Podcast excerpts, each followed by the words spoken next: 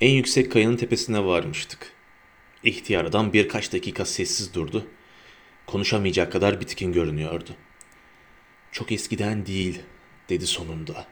Birkaç yıl öncesine kadar size bu yollarda oğullarımın en küçüğü gibi hiç yorulmadan kılavuzluk edebilirdim. Ama aşağı yukarı üç yıl önce başıma bir iş geldi. Öyle bir iş ki daha hiçbir insanoğlunun başına gelmemiştir ya da gelmiş olsa bile hiçbiri sağ kalmamış, gördüklerini anlatamamıştır. O zaman dayandığım altı saatlik öldürücü bir korku bende ne vücut bıraktı ne de ruh. Beni çok yaşlı bir adam sanıyorsunuz ama değilim. Simsiyah saçlarımın böyle bembeyaz olması, kollarımın bacaklarımın dermansızlaşması, sinirlerimin gevşemesi, bütün bunlar bir tek günü bile doldurmadan olup bitmiş şeyler. Öyle ki şimdi biraz güç harcasam titremeye başlıyorum. Bir gölge görsem korkuyorum. Şu küçücük uçuruma bile başım dönmeden bakamadığımı söylesem inanır mısınız? Küçücük uçurum. Dinlenmek için kendisini onun kıyısına öyle dikkatsizce atmıştı ki vücudunun daha ağır bölümü dışarıda duruyordu. İhtiyarı aşağı düşmekten koruyan sadece ta uca kaygan kıyıya dayamış olduğu dirseğiydi. Bu küçük uçurum aşağıdaki kayalık dünyadan şöyle 500 ya da 600 metre yükseklikte pürüzsüz kara kara parlayan sert bir uçurumdu. Yeryüzünde hiçbir şey beni onun kıyısına gitmeye zorlayamazdı. 6 metre uzaklıktan daha yakına sokulmazdım. Yol arkadaşımın bu tehlikeli durumunu görünce öyle derin bir heyecana kapıldım ki yere boylu boyunca uzanıp çevremdeki çalılara sarıldım. Gözlerimi gökyüzüne kaldırmaya cesaret edemedim. Bir yandan da kafama takılmış olan bir düşünceden, böylesine hızlı esen rüzgarın öfkesiyle dağın yerinden oynayacağı düşüncesinden kurtulmaya çabalıyordum. Oturup uzaklara bakacak kadar cesaret toplamam bile epey sürdü. Bu kuruntulardan kurtulmalısınız artık, dedi kılavuz. Çünkü sizi buraya getirmemin nedeni o söz ettiğim işin nerede başıma geldiğini göstermekti. Olup biten her şeyi böyle hepsi gözünüzün önündeyken anlatmak istiyorum. Biz şimdi diye devam etti. Kendine has tavrıyla konuşuyordu. Biz şimdi Norveç hududunun yakınlarındayız. 68. enlem derecesinde. Büyük Norland ilinde ıssız Lofoten ilçesinde. Tepesinde oturduğumuz bu dağın adı Helseggen yani bulutlu. Şimdi şöyle biraz daha yukarı kalkın. Başınız dönüyorsa otlara tutunun. Şöyle. Sonra şu aşağıdaki duman kuşağının üzerinden denize bakın. Aptal aptal baktım. Ya denizi geniş bir alanda görüyordum. Suların rengi öyle karanlıktı ki aklıma hemen Mare Tenebrarum üzerine yazılanlar geldi. Ya, hayal edilemeyecek kadar ıssız bir görünüşü vardı. İnsanı acındıran bir ıssızlık. O korkunç derecede kara, sarp uçurumlar, dünyayı çevreden kaleler gibi. Ya, kıyı boyunca göze alabildiğine uzanıyor. Ardı arkası kesilmez çığlıklar atarak, haykırarak gelen dalgaların beyaz köpükleriyle yıkanırken karanlık renkleri daha güçlü beliriyordu. Durduğumuz yerin tam karşısında 5-6 mil uzakta küçük çıplak bir ada görünüyordu. Ya da daha iyisi çevresini saran dalgaların birbirine karışıp durulmasından yeri belli oluyordu diyelim. Ya kıyıya ondan 2 mil daha yakında daha küçük, yalçın, ıssız başka bir ada vardı. Çevresinde yer yer kara, kaya yığınları yükseliyordu. Okyanusun uzaktaki adayla kıyı arasındaki bölümü bir tuhaftı.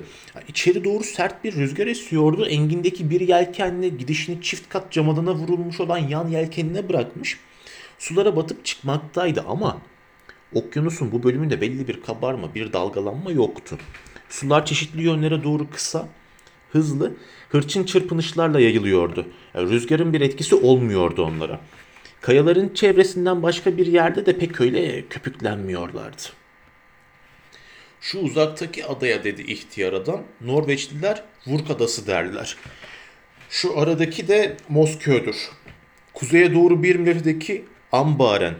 Şu görünenler Islaen, Hotol, Kiltem, Suarven, bir de bu kol. Ta ötede Moskova ile Vurk arasında Oteron, Filimen, Sandflesen, Stockholm var. Adaları böyle işte. Ama ne akla hizmet ederek onlara böyle bir ad takmışlar. Orası anlaşılacak gibi değil. Bir şey işitiyor musunuz? Bir değişme görüyor musunuz sularda? Aşağı yukarı 10 dakikadır Helseggen Dağı'nın tepesindeydik. Lofoten'in içerilerinden doğru tırmanmıştık buraya. O yüzden de ya, tepeye varmadan denizi görememiştik. İhtiyar adam konuşurken gittikçe artmakta olan bir uğultu duymaya başladım. Ya sanki Amerika'nın çayırlarındaki büyük sürüler halinde dolaşan yaban mandalarının çıkardığı gürültüye benziyordu. Aynı anda aşağıda kararsızca kıpırdanmakta olan suların kaşla göz arasında durumlarını değiştirip doğuya doğru akmakta olduklarını gördüm. Ya ben orada öyle bakarken bile akıntının hızı korkunç bir şekilde artmaktaydı. Her an biraz daha hızlanıyor, biraz daha büyüyordu. 5 dakika içinde bütün deniz ta vurga kadar ateş püsküren çılgın bir insana döndü. Ama asıl gürültü Moskova ile kıyı arasındaki sulardan geliyordu. Ya bu suların geniş yatağı birbirine karşı koyan binlerce küçük akıntıya bölünüp parçalanıyordu. Çıl, çılgınca bir sarsılışla kasılıyor, kabarıyor, kaynıyor, sesler çıkarıyor. Sayısız su burgaçları yaparak doğuya doğru görülmemiş bir hızla akıyordu. Ya çok yüksekten dökülen çağlayanlardan başka hiçbir yerde sular bu kadar hızlı akamazdı. Ya birkaç dakika sonra önemli bir değişiklik daha oldu. Ya suların üstü düzleşti. Burgaçlar birer birer yok oldular. Ya bu arada önceleri hiç de köpüklü olmayan yerlerde uzunlamasına köpük çizgileri belirmeye başladı.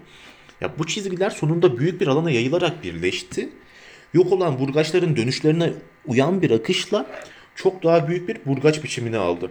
Derken ya birdenbire bu yeni burgaç iyice belirdi. Çapı bir milden fazla bir çember oluverdi. Çevresini geniş, pırıl pırıl bir su kuşağı sardı ama bir tek damlası bile korkunç kuyunun içine gitmiyordu. Ya kuyunun içi bir huni biçimindeydi. Gözün görebildiği kadar yeri pürüzsüz, parlak, kapkara bir duvar gibiydi. Ufka 45 derecelik bir açıyla kavuşuyor. İki yana doğru baygın baygın yaslanarak hızla dönüyor. Rüzgarlara karşı korkunç bir ses çıkarıyordu. Yarı çığlık, yarı kükreyiş gibi bir ses. Ya öyle kudretli ki Niagara çağlayanı bile göklere karşı acısını böyle haykıramazdı. Dağ kökünden sarsıldı, kayalar sallandı, kendimi yüzü koyun yere attım. Ya, sinirden titreyen cıl, cılız otlara sarıldım. Bu dedim sonunda ihtiyar adama. Bu büyük Maelstrom burgacından başka bir şey olamaz. Öyle diyenler de vardır adına dedi. Ya, biz Norveçliler Moskova Ström deriz. Ortadaki Moskova adasından geliyor. Bu burgaç üzerine okumuş olduğum şeyler beni gördüklerime hazırlamış değildi. Jonas Rasmus'un yazdıkları gerçi hepsini inceden inceye anlatır. Ama bu sahnenin büyüklüğünü ya da korkunçluğunu duyurmaktan çok uzaktır. Hele seyrederken insanı saran o yontulmamış şaşkınlık, yenilik duygusunu hiç veremez. Adı geçen yazar bu sulara nereden, ne zaman bakmış bilmiyorum. Ama bir fırtına sırasında Helsekyen tepesinden bakmamış olduğuna eminim. Anlattıkları gerçeğin yanında çok güçsüz kalıyor. Yine de bazı parçaları edinmek için okunabilir. Lofoten ile Moskova arasında diyor Jonas Ramus. Suyun derinliği 36 kulaçla 40 kulaç kadardır. Ama öbür yanda vurga doğru bu derinlik azalır. Yani o kadar azalır ki bir tekne en iyi havada bile kayalara oturmak tehlikesini göze almadan oradan geçemez. Sular kabardığı zaman akıntı Lofoten ile Moskova arasından hızla içerilere doğru ilerler. Büyük bir gürültü çıkarır ama asıl denize karıştığı yerde duyulan kükreş müthiştir. En gürültücü, en korkunç çağlayanlar bile öyle bir ses çıkaramaz. O kükreş millerce uzaktan işitilir. Burgaçlar ya da kuyular öylesine geniş, öylesine derindir ki kıyılarına bir gemi gelecek olsa onu hemen içeri çeker. Derinlere indirir, sonra dipteki kayalara çarpa çarpa paramparça eder. Sular durulunca geminin kalıntıları da yukarı çıkar. Ama bu durgunluk zamanları sadece suların yükselmeye ya da çekilmeye başlayacağı sırada sakin havalarda görülebilir. O da 15 dakika ya sürer ya sürmez. Arkasından hemen coşkunluk başlar. Akıntının gürültüsü çoğalınca hele fırtınada varsa yani bir Norveç mili uzaklıktan daha yakınına gitmek tehlikelidir. Yani kayıklar, yatlar, gemiler dikkatsizlik edip ona yaklaştıkları için dibini boylamışlardır. Sık sık balinaların da ona yaklaştığı, akıntıya kapılınca kurtulmaya çalıştıkları görülür. Ama kurtulamazlar. Kuyuların içine gitmemek için boşuna savaşırlarken nasıl inlediklerini, bağırdıklarını anlatmak olanaksızdır. bir kere de Lofoten'den Moskova'ya doğru yüzen bir ayı kapılmış akıntıya. Yani dibe doğru çekildiğini görünce öyle korkunç sesler çıkarmış ki kıyıdakiler bile duymuşlar. Yani koca çam kütükleri o kuyuların içine düşünce paramparça çıkıyor. Sanki üstlerini kıl bürümüş gibi lif lif oluyorlar. Yani bu açıkça dip, dipte sivri kayaların varlığını, kütüklerin onların arasında sağa sola savrulmuş olduğunu gösterir. Akıntıyı denizin kabarıp çekilmesi ayarlamakta sular düzenli bir biçimde 6 saatlik aralarla alçalıp yükselir. 1645 yılında papazların Seksa Gessima dedikleri pazar gününün sabahında erkenden sular öyle müthiş bir gürültüyle coşup kabardı ki kıyıdaki evler yıkıldı. Suyun derinliğini nereden anlamış bilmiyorum. Ya Burgaç'ın yakınında böyle bir ölçme işine girişmek olacak şey değil. Ya bu 40 kulaç Mosköy'e ya da Lofoten'e yakın bir yerde kıyıda yapılan bir ölçmeyle bulunmuş gibi görünüyor. Moskova strömün ortasındaki derinlik ölçülemeyecek kadar fazla olsa gerek. Helsinki'nin en tepesinden o burgacın içine şöyle bir bakmak bile bunu kanıtlamaya yeter. Dağın üstünde durmuş, aşağıda inleyerek alev alev akan bu cehennem ırmağına bakarken Sayın Jonas Ramus'un tam bir saflık içinde balinaların ayıların başına gelenleri sanki inanılmayacak şeylermiş gibi anlatışını düşünerek gülümsüyordum. En büyük gemilerin bile bu ölüm akıntısına bir kere kapılınca kasırgaya tutulmuş tüye benzeyecekleri, hemen yok olup gidecekleri açıkça görülüyordu. Ya bu inanılmaz doğa olayın nedenlerini anlatmaya çalışan yazılar gözümde bütün değerlerini yitirmişlerdi. Oysa onlardan bazılarını ilk okuduğum zaman pek akla yakın bulduğumu hatırlıyorum. Yani genel olarak kabul edilen inanca bakarsanız Faroe adalarının arasındaki öbür üç daha küçük burgaç gibi ya bu burgacı yaratan neden de suların alçalıp yükselmesinden başka bir şey değil. Ya dalgalar kabarırken kayaların setlerin üzerinden aşıyor. Sonra geri çekilmeleri gerekince bir çağlayan gibi aşağı doğru dökülmeye başlıyorlar. Sular ne kadar yükselmişse ya bu dökülme de o kadar yüksekten oluyor.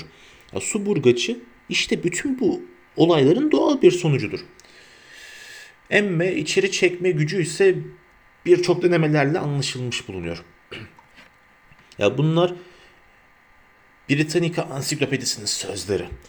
Kircher ile daha birkaç kişi de Maelstrom Boğazı'nın tam orta yerinde dünyayı delip geçen bir kuyu, bir uçurma olduğunu düşlerler. Ya bu deliğin öbür ucu çok uzaklardaymış. Botnia burgacında olduğunu söyleyenler de vardır. Ya dağın tepesinde durmuş aşağılara bakarken aklıma bu düşünce geldi. Ya gerçi saçmaydı. Ama neredeyse inanacaktım. Kılavuzu da anlattım. O zaten biliyormuş. Norveçlilerin pek çoğunun bu masala inanmakta olduğunu, kendisinin ise inanmadığını söyleyerek beni bayağı şaşırttı. Yani öbür açıklama biçimine gelince onu bir türlü aklının almadığını söylüyordu. Yani doğrusu artık ben de öyle düşünüyordum. Çünkü kağıt üstünde ne kadar inandırıcı olursa olsun bu uçurumdaki gürültünün arasında o bütün açıklamalar insana anlaşılmaz saçma şeylermiş gibi geliyordu.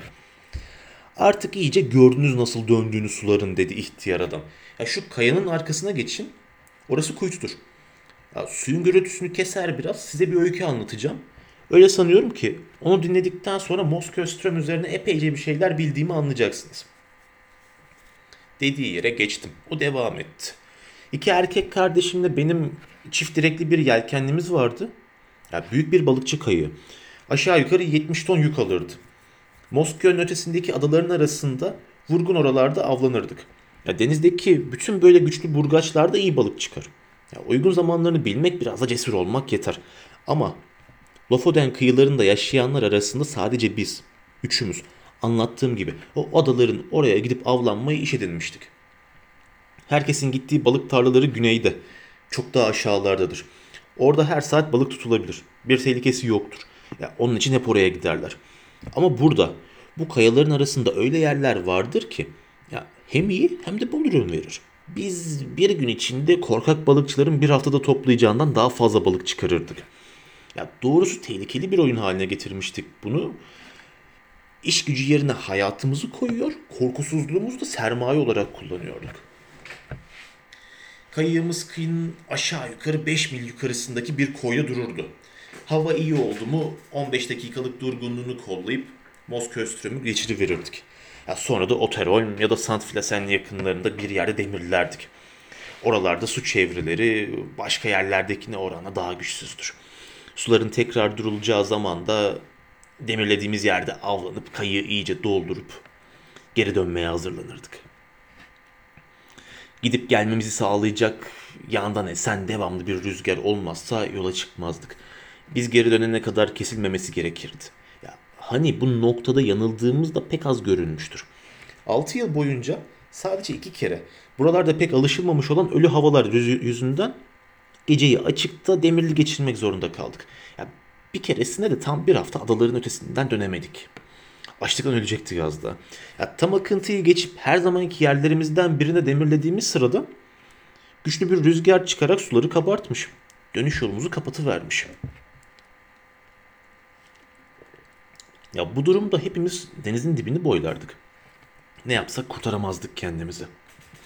Çünkü bulunduğumuz yerdeki su çevreleri de azmıştı. Ya oradan da oraya savruluyorduk. Ya sonunda demirimiz de taramaya başlayınca tamam oldu. Ama talihimiz varmış. Arada bir ortaya çıkıp sonradan kaybolan sayısız küçük akıntılardan biri bizi aldığı gibi Flimin adasının arkasına rüzgarsız kuytu bir yere atıverdi. Kurtulduk.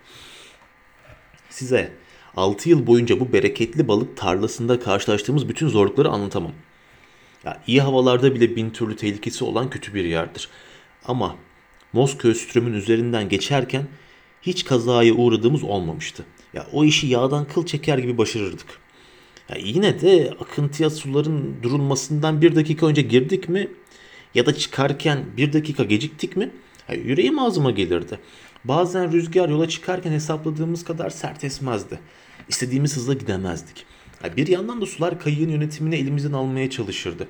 Epeyce korku çekerdik. Büyük abimin 18 yaşında bir oğlu, benim de sağlam yapılı iki erkek çocuğum vardı. Onların böyle zamanlarda bize çok yardımları dokunabilirdi. Hızımızı arttırmak için kürek çekerler, balık tutarken de işimize yararlardı. Ama kendimiz her şeyi göze almış olduğumuz halde bu gençleri tehlikeye atmaya bir türlü gönlümüz razı olmuyordu. Çünkü şunu da söylemek gerek. Geliştiğimiz iş korkunç derecede tehlikeliydi ya. Bu bir gerçek. Size anlatacağım şeylerin üzerinden epeyce zaman geçti. Yani birkaç gün sonra tam 3 yıl olacak. 1800 yılında Temmuz'un 10. günüydü. Dünyanın bu yanında yaşayan insanlar hiçbir zaman unutamazlar o günü. Ya çünkü göklerden kopup gelen kasırgaların en korkuncu. O gün kazıp kavurmuştu ortalığı. Ya üstelik o sabah hatta öğleden sonra geç vakitlere kadar güneyden doğru tatlı devamlı bir meltem esmişti. Güneş pırıl pırıldı. Öyle ki aramızdaki en yaşa denizciler bile arkadan gelecek olan fırtınanın farkına varamamışlardı. Üçümüz. İki erkek kardeşimle ben. Öğle, öğleden sonra saat 2'ye doğru adaların oraya gitmiş kısa zamanda kayığı balıkla doldurmuştuk. Ya denizde o güne kadar görmediğimiz derecede bol av vardı. Ya tam 7'de saatime bakmıştım. İyice yükümüzü alıp geri dönmek üzere yola çıktık. Akıntının en şiddetli yerini sular durulmuşken geçmek istiyorduk. Yani saat 8'de. E, sancaktan doğru esmeye başlayan taze bir rüzgarla bir zaman dalgaları yara yara hızlı ilerledik. Bir tehlikeyle karşılaşacağımız aklımıza bile gelmiyordu. Çünkü gerçekten de böyle bir şey düşünmemiz için en basit bir neden yoktu. Derken birdenbire Helsinki'nin üzerinden kopup gelen bir rüzgarla geri savrulduk. Bu olağanüstü bir şeydi. Hiç böylesi gelmemişti başımıza. Yani nedenini kestiremediğim bir sıkıntı duymaya başladım. Kayığı rüzgara ayarladık ama bir türlü ilerleyemiyorduk. Ya, tam demir aldığımız yere dönmeyi önereceğim sırada bir de arkamıza baktık ki bütün ufuk insanı şaşırtan bir hızla yükselen bakır rengi bir bulutla boydan boya örtülmüş. Bu arada yolumuzu kesen sağanak geçip gitti. Yani olduğumuz yerde rüzgarsız kala kaldık. Bütün bu işler bize düşünmek fırsatı verecek kadar uzun sürmedi. Yani bir dakika içinde fırtına çevremizi sardı. Daha ikinci dakika dolmadan gökyüzü büsbütün kapanmıştı. Bulutların savrulan suların altında her yer o kadar karardı ki. Yani kayıkta birbirimizi göremez olduk. O kasırgayı anlatmaya çalışmak aptallık. Yani Norveç'in en yaşlı denizcileri bile öyle bir şey görmüş değillerdi. Yani bir acele yelkenleri çözmüştük ama daha ilk üfleyişte iki direği de diplerinden testereyle kesilmiş gibi alıp götürüverdi. Ana direklerle birlikte. Yani dalgalara kapılmamak için kendini ona bağlamış olan küçük kardeşim de gitti. Kayığımız görünmemiş derecede hafifti. Ya, güvertesi dümdüz. Sadece Pruva'da önde küçük bir ambar kapağı vardı. Ya Sütröm'ü geçerken denizin oynaklığına karşı bir önlem olarak ya bu kapağı kapardık. Eğer öyle olmasaydı yüzde yüz batmıştık. Yüzde yüz. Çünkü bir zaman suların içinde gömülü kaldık. Abim dalgaların altından nasıl sağ çıktı bilmiyorum. Ya bunu sorup öğrenecek fırsatı hiçbir zaman ele geçiremedim. Bana gelince ön yelkeni çözer çözmez kendimi yüzü koyun güvertenin üstüne attım. Ayaklarımı Pruva'nın dar küpeştesine dayamış, ellerimle de ön direğin dibindeki demir halkaya tutunmuştum. Beni bütün bunları yapmaya zorlayan sadece bir içgüdüydü doğrusu. Yapabileceğim en iyi hareketleri de yapmıştım. Yoksa şaşkınlıktan düşünecek halde değildim. Dediğim gibi ya bir zaman bütün suyun içinde kaldık. Ya nefesimi tutup demir halkaya sıkıca sarıldım. Havasızlığa dayanamayacağımı anlayınca halkayı bırakmadan dizlerimin üzerinde doğruldum. Böylece kafam suyun dışına çıktı. O sırada küçük kayığımız tıpkı ıslat bir köpeğin yaptığı gibi şöyle bir titreyerek kendini sulardan kurtardı. Şaşkınlığımı geçiştirip yani ne yapmam gerektiğini anlamak için duyularımı toparlamaya çalışırken birinin koluma sarıldığını hissettim. Abim de. Ta içimden gelen bir sevinçle yüreğim ferahladı. Onun denize düştüğünü sanıyordum ama bir an sonra bu sevinç korkuya dönüştü. Çünkü ağzını kulağıma yaklaştırmış şu kelimeyi haykırmıştı. Moskostrom. O anda neler hissettiğimi kimseler bilemez. Yani müthiş bir sıtma nöbetine tutulmuş gibi tepeden tırnağa titredim. Ya bu tek kelimeyle ne demek istediğini iyice biliyordum. Anlatmak istediği şeyi biliyordum. Yani önünde sürüklendiğimiz rüzgarla Ström'ün burgacına doğru gidiyorduk. Hiçbir şey kurtaramazdı bizi artık. Ya belki sözlerimden anlamışsınızdır. Kıntının yatağından geçeceğimiz zaman hava iyi bile olsa burgacın çok yukarılarına gider.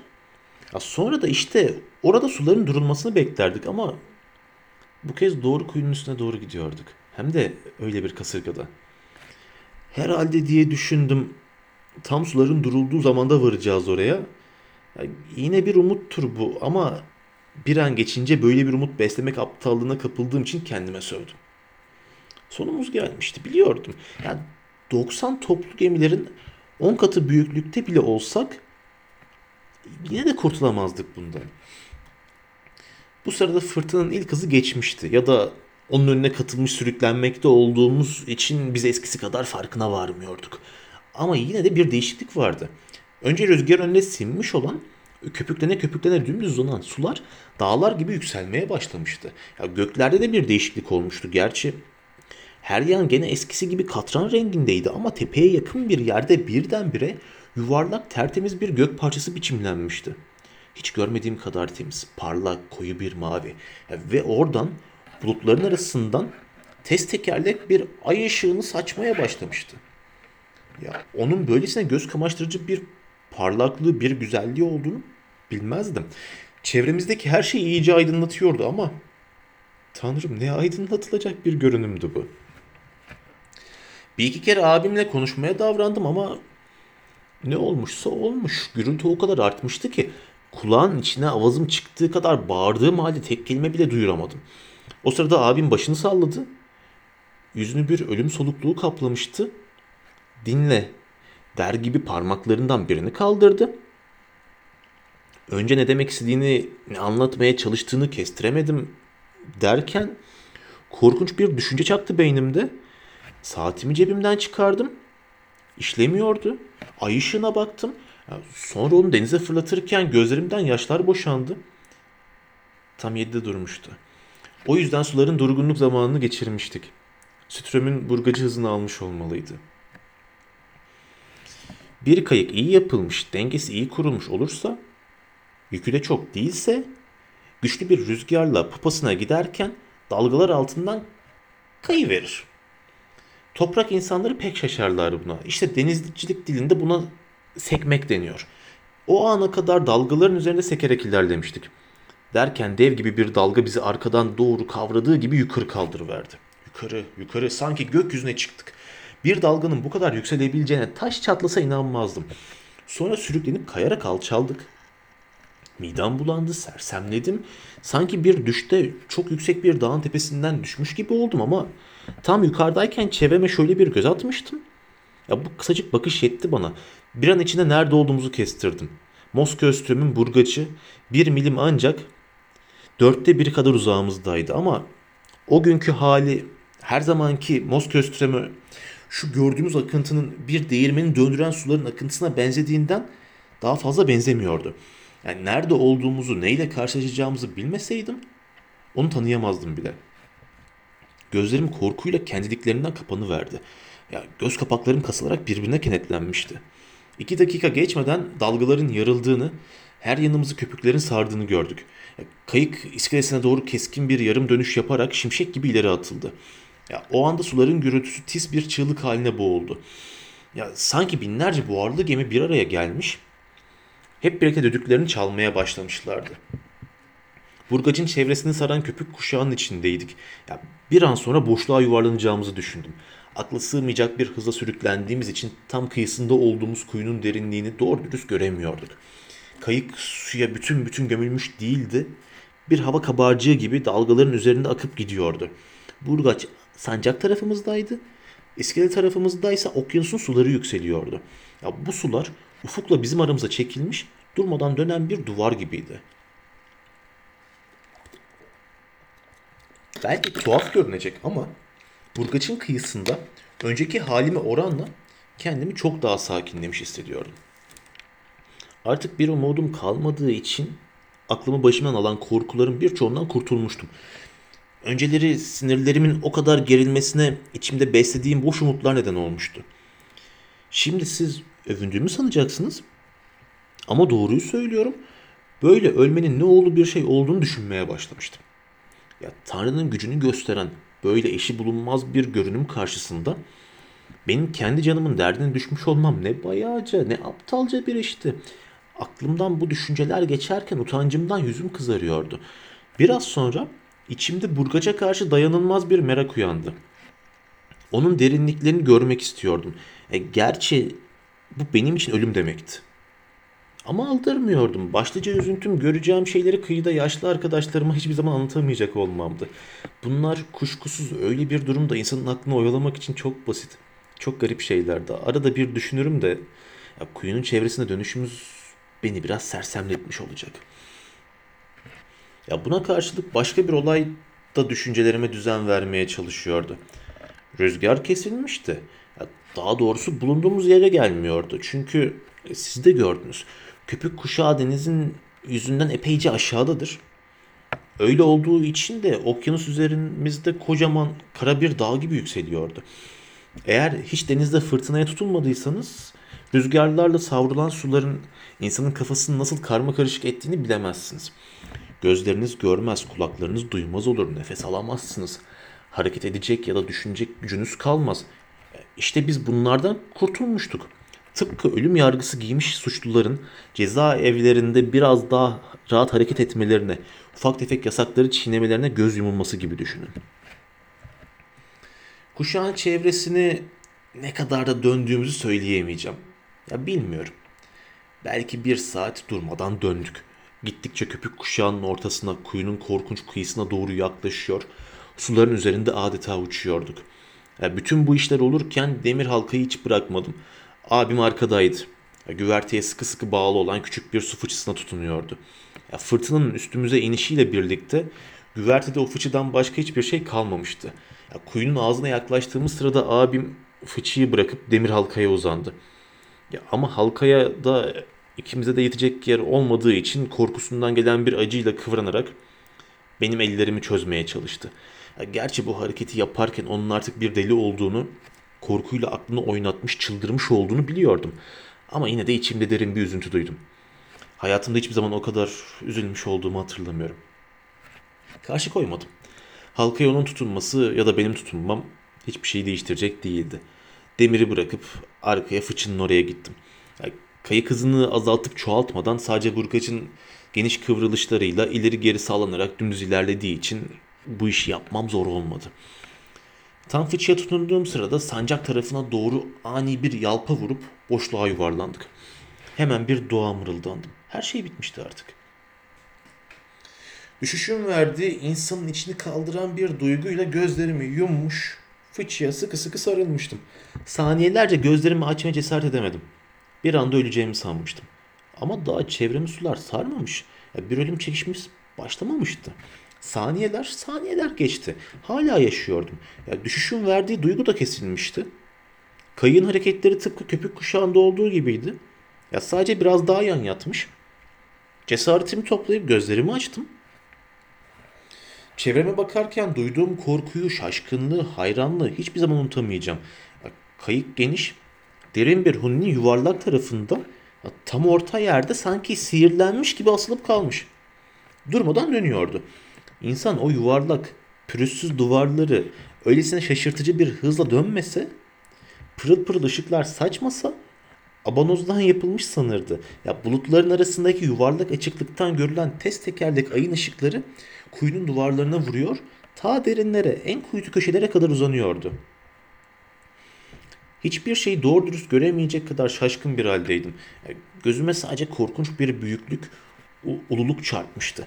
Biraz kendimi toparlayınca aşağılara doğru baktım. Kayığın suların üstündeki durumu kuyunun dibini görmeme engel olmuyordu.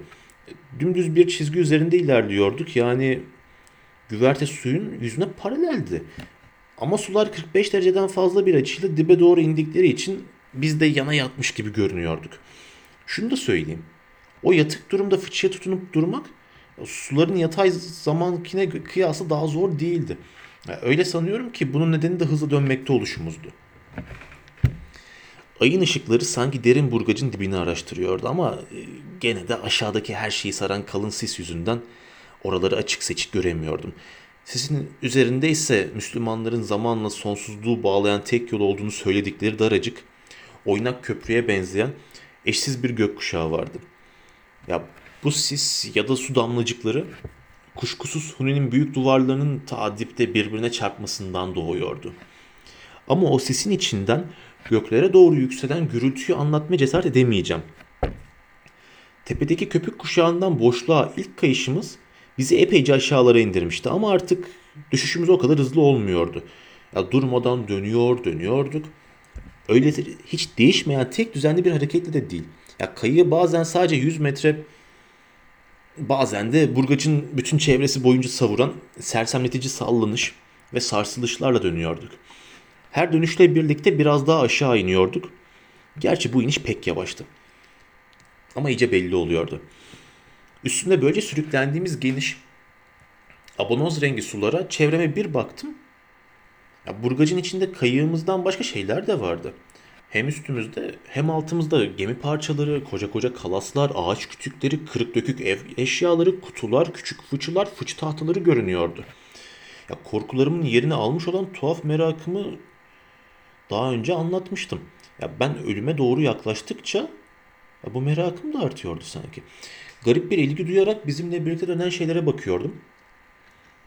İyice aklımı oynatmış olmalıyım çünkü onların aşağıdaki köpüklere doğru düşüş hızları arasında oranlamalar yapmaya çalışıyor. Bundan kendime bir eğlence çıkarmaya uğraşıyordum. Derken bir baktım şöyle bir şeyler söylüyorum. Şimdi sıra şu çam ağacında. Hepsinden önce odalıp kaybolacak. Ama bir Alman ticaret gemisinin kalıntıları onu geçip suların içinde daha önce yok olunca bayağı üzülüyordum. Sonunda böyle birkaç oranlama yapıp hepsine yanıldıktan sonra bu olay yani arkası arkasına hep yanılmış olmam kafama bir dizi düşünce getirdi. Kollarım, bacaklarım yeniden titremeye, kalbim bir kere daha hızlı hızlı atmaya başladı. Ya beni böyle saran yeni bir korku değil, içimde bir umudun da olmasıydı. Ya bu umut yarı hatırlama gücümün yarıda gördüğüm olayların etkisiyle oluşmuştu. Ya Moskova Ström'ün içine düşen dışarı fırlatıldıktan sonra da Lofoten kıyılarına vuran çeşitli şeyleri hatırlamıştım. Ya bunların çoğu paramparça olurdu. Ya kuyunun dibinde öyle didiklenirler. Öyle hırpalanırlardı ki üst üste yapıştırılmış kıymık kümelerine dönerlerdi. Ama buna karşılık iyice hatırlıyorum. Bazıları da hiç parçalanmaz, biçimleri bile bozulmazdı. Ya bu olayı şöyle açıklıyordum. Parçalananlar kuyunun ta en derinlerine inmiş, iyice yutulmuş olanlardı. Öbürleri ise burgaca geç girmişlerdi ya da herhangi bir nedenle girdikten sonra düşüşleri daha yavaş olmuştu. O yüzden de dibe kadar inmelerine kalmadan suların değişme zamanı, durgunluk zamanı gelmişti. Her ikisi de olabilirdi. Ya burgaca geç girmek ya da düşüş hızının azlığı. Ya parçalanmadan suyun yüzüne çıkmaya neden olabilirdi. Bundan başka üç önemli şeye daha dikkat etmiştim. Birincisi genel olarak bir cisim ne kadar büyükse o kadar hızlı düşüyordu. İkincisi aynı büyüklükteki iki cisimden biri küre biçiminde ise öbürünün biçimi ne olursa olsun küre daha hızlı düşüyordu. Üçüncüsü aynı büyüklükteki iki cisimden biri silindir biçiminde ise öbürünün biçimi ne olursa olsun silindir daha yavaş düşüyordu. Kurtuluşumdan sonra kasabamızdaki ihtiyar bir öğretmenle bu konu üzerine birkaç kere konuşmuştuk. Silindir ve küre kelimelerini ondan öğrendim. Nasıl açıkladığını hatırlamayacağım ama bu gördüğüm şeylerin yüzey cisimlerin biçimlerinden doğan doğal sonuçlar olduğunu söylemişti. Sonra bir burgaç içindeki silindirin biçimleri başka olan eşit büyüklükteki cisimlere oranla neden emilmeye baş karşı daha fazla direnç gösterdiğini, neden daha zor aşağı indiğini de anlatmıştı. Dikkatimi çeken o üç önemli şeyi iyice güçlendiren bir olay daha vardı. Beni onları göz önünde bulundurarak hemen harekete geçmeye zorluyordu. Her dönüşümüzde fıçı gibi ya da bir geminin sereni, ana direği gibi şeylerin yanından geçiyorduk. Ya üstelik gözlerimi ilk açtığımda bizim düzeyimizde olan cisimlerin birçoğu da burgaçın daha yukarılarında kalmışlardı. Ya sanki hiç alçalmıyorlar gibiydi. Artık yapacağımı biliyordum. Ya kendimi tutunmakta olduğum su fıçısına sıkı sıkıya bağlayacak. Sonra da onu güverteden çözüp suların içine atacaktım. Ya çeşitli işaretlerle abimin dikkatini üzerime çektim. Yanımız sıra yüzen fıçıları gösterdim. Ne yapmak istediğimi ona da anlatmak için elimden gelen çabayı harcadım. Ya sonunda niyetimi anladı sanıyorum ama her nedense umutsuzca başını salladı. Demir halkadan ayrılmayı kabul etmiyordu. Yanına gitmem de olacak iş değildi. Daha fazla gecikemezdim. Böylece acı bir iç çabalaması sonunda onu yazgısına bıraktım. Kendimi fıçıya bağladım. Fıçıyı güverteye tutturan ipleri çözerek yapmıştım bu işi. Sonra bir an bile duralamadan denize atıldım. Sonuç tam umduğum gibi çıktı. Ya bu öyküyü şimdi size ben anlattığıma göre görüyorsunuz kurtulmuş bulunuyorum. Kurtuluşumun ne olduğu olduğunu da anlamışsınızdır artık. Bundan sonra söyleyeceklerimi aşağı yukarı tahmin edebilirsiniz. Onun için öykümü kısa keseceğim. Ben ayrıldıktan bir saat ya da ona yakın bir süre sonra dibe inen kayığımız birbiri ardına hızla 3-4 sert dönüş yaparak sevgili abimle birlikte tepe üstü aşağılara köpüklerin içine daldı. Bağlı olduğum fışı burgaçtaki büyük değişiklik başlayana kadar kayıkın atladığım yerle kuyunun dibi arasındaki uzaklığın yarısını biraz geçmişti. Geniş ünlü duvarlarındaki eğiklik gitgide azalıyordu. Dönüşün hızı da gitgide hafiflemekteydi. Derece derece köpüklerle gökkuşağı yok oldu. Ya burgacın dibi yavaş yavaş yükselmeye başladı. Gökyüzü açılmış, rüzgar durulmuştu. Batıda ay pırıl pırıl alçalıyordu. Kendimi suların yüzünde buldum. Çevreme baktım. Orada bulunduğum yerde biraz önce Mosköström'ün burgacı vardı. Durgunluk zamanıydı ama deniz kasırganın etkisiyle hala dağ gibi dalgalarla kabarıyordu. Sütröm'ün akıntısına kapılmıştım. Beş dakika içinde kıyı boyunca akarak balık tarlalarının oraya geliverdim. Bir kayığa aldılar beni. Yorgunluktan bitkindim. Üstelik artık tehlike de geçmiş olduğu için başıma gelenleri hatırlamanın yarattığı bir korkuyla dilimde tutulmuştu. Beni güverteye çıkaranlar eski dostlarım, her günkü arkadaşlarımdı. Ama sanki cinler aleminden gelen bir yolcuymuşum gibi kim olduğumu bilemediler. Bir gün önce karga kanadı gibi simsiyah olan saçlarım şu anda gördüğünüz kadar beyazlamıştı. Yüzümde ifadenin de büsbütün değişmiş olduğunu söylüyorlar. Ya bu öyküyü anlattım onlara. İnanmadılar. Şimdi de size anlatıyorum. Ama bütün bunların doğruluğuna Loforde'nin şakacı balıkçılarından daha fazla bir inanç besleyeceğinizi de pek ummuyorum.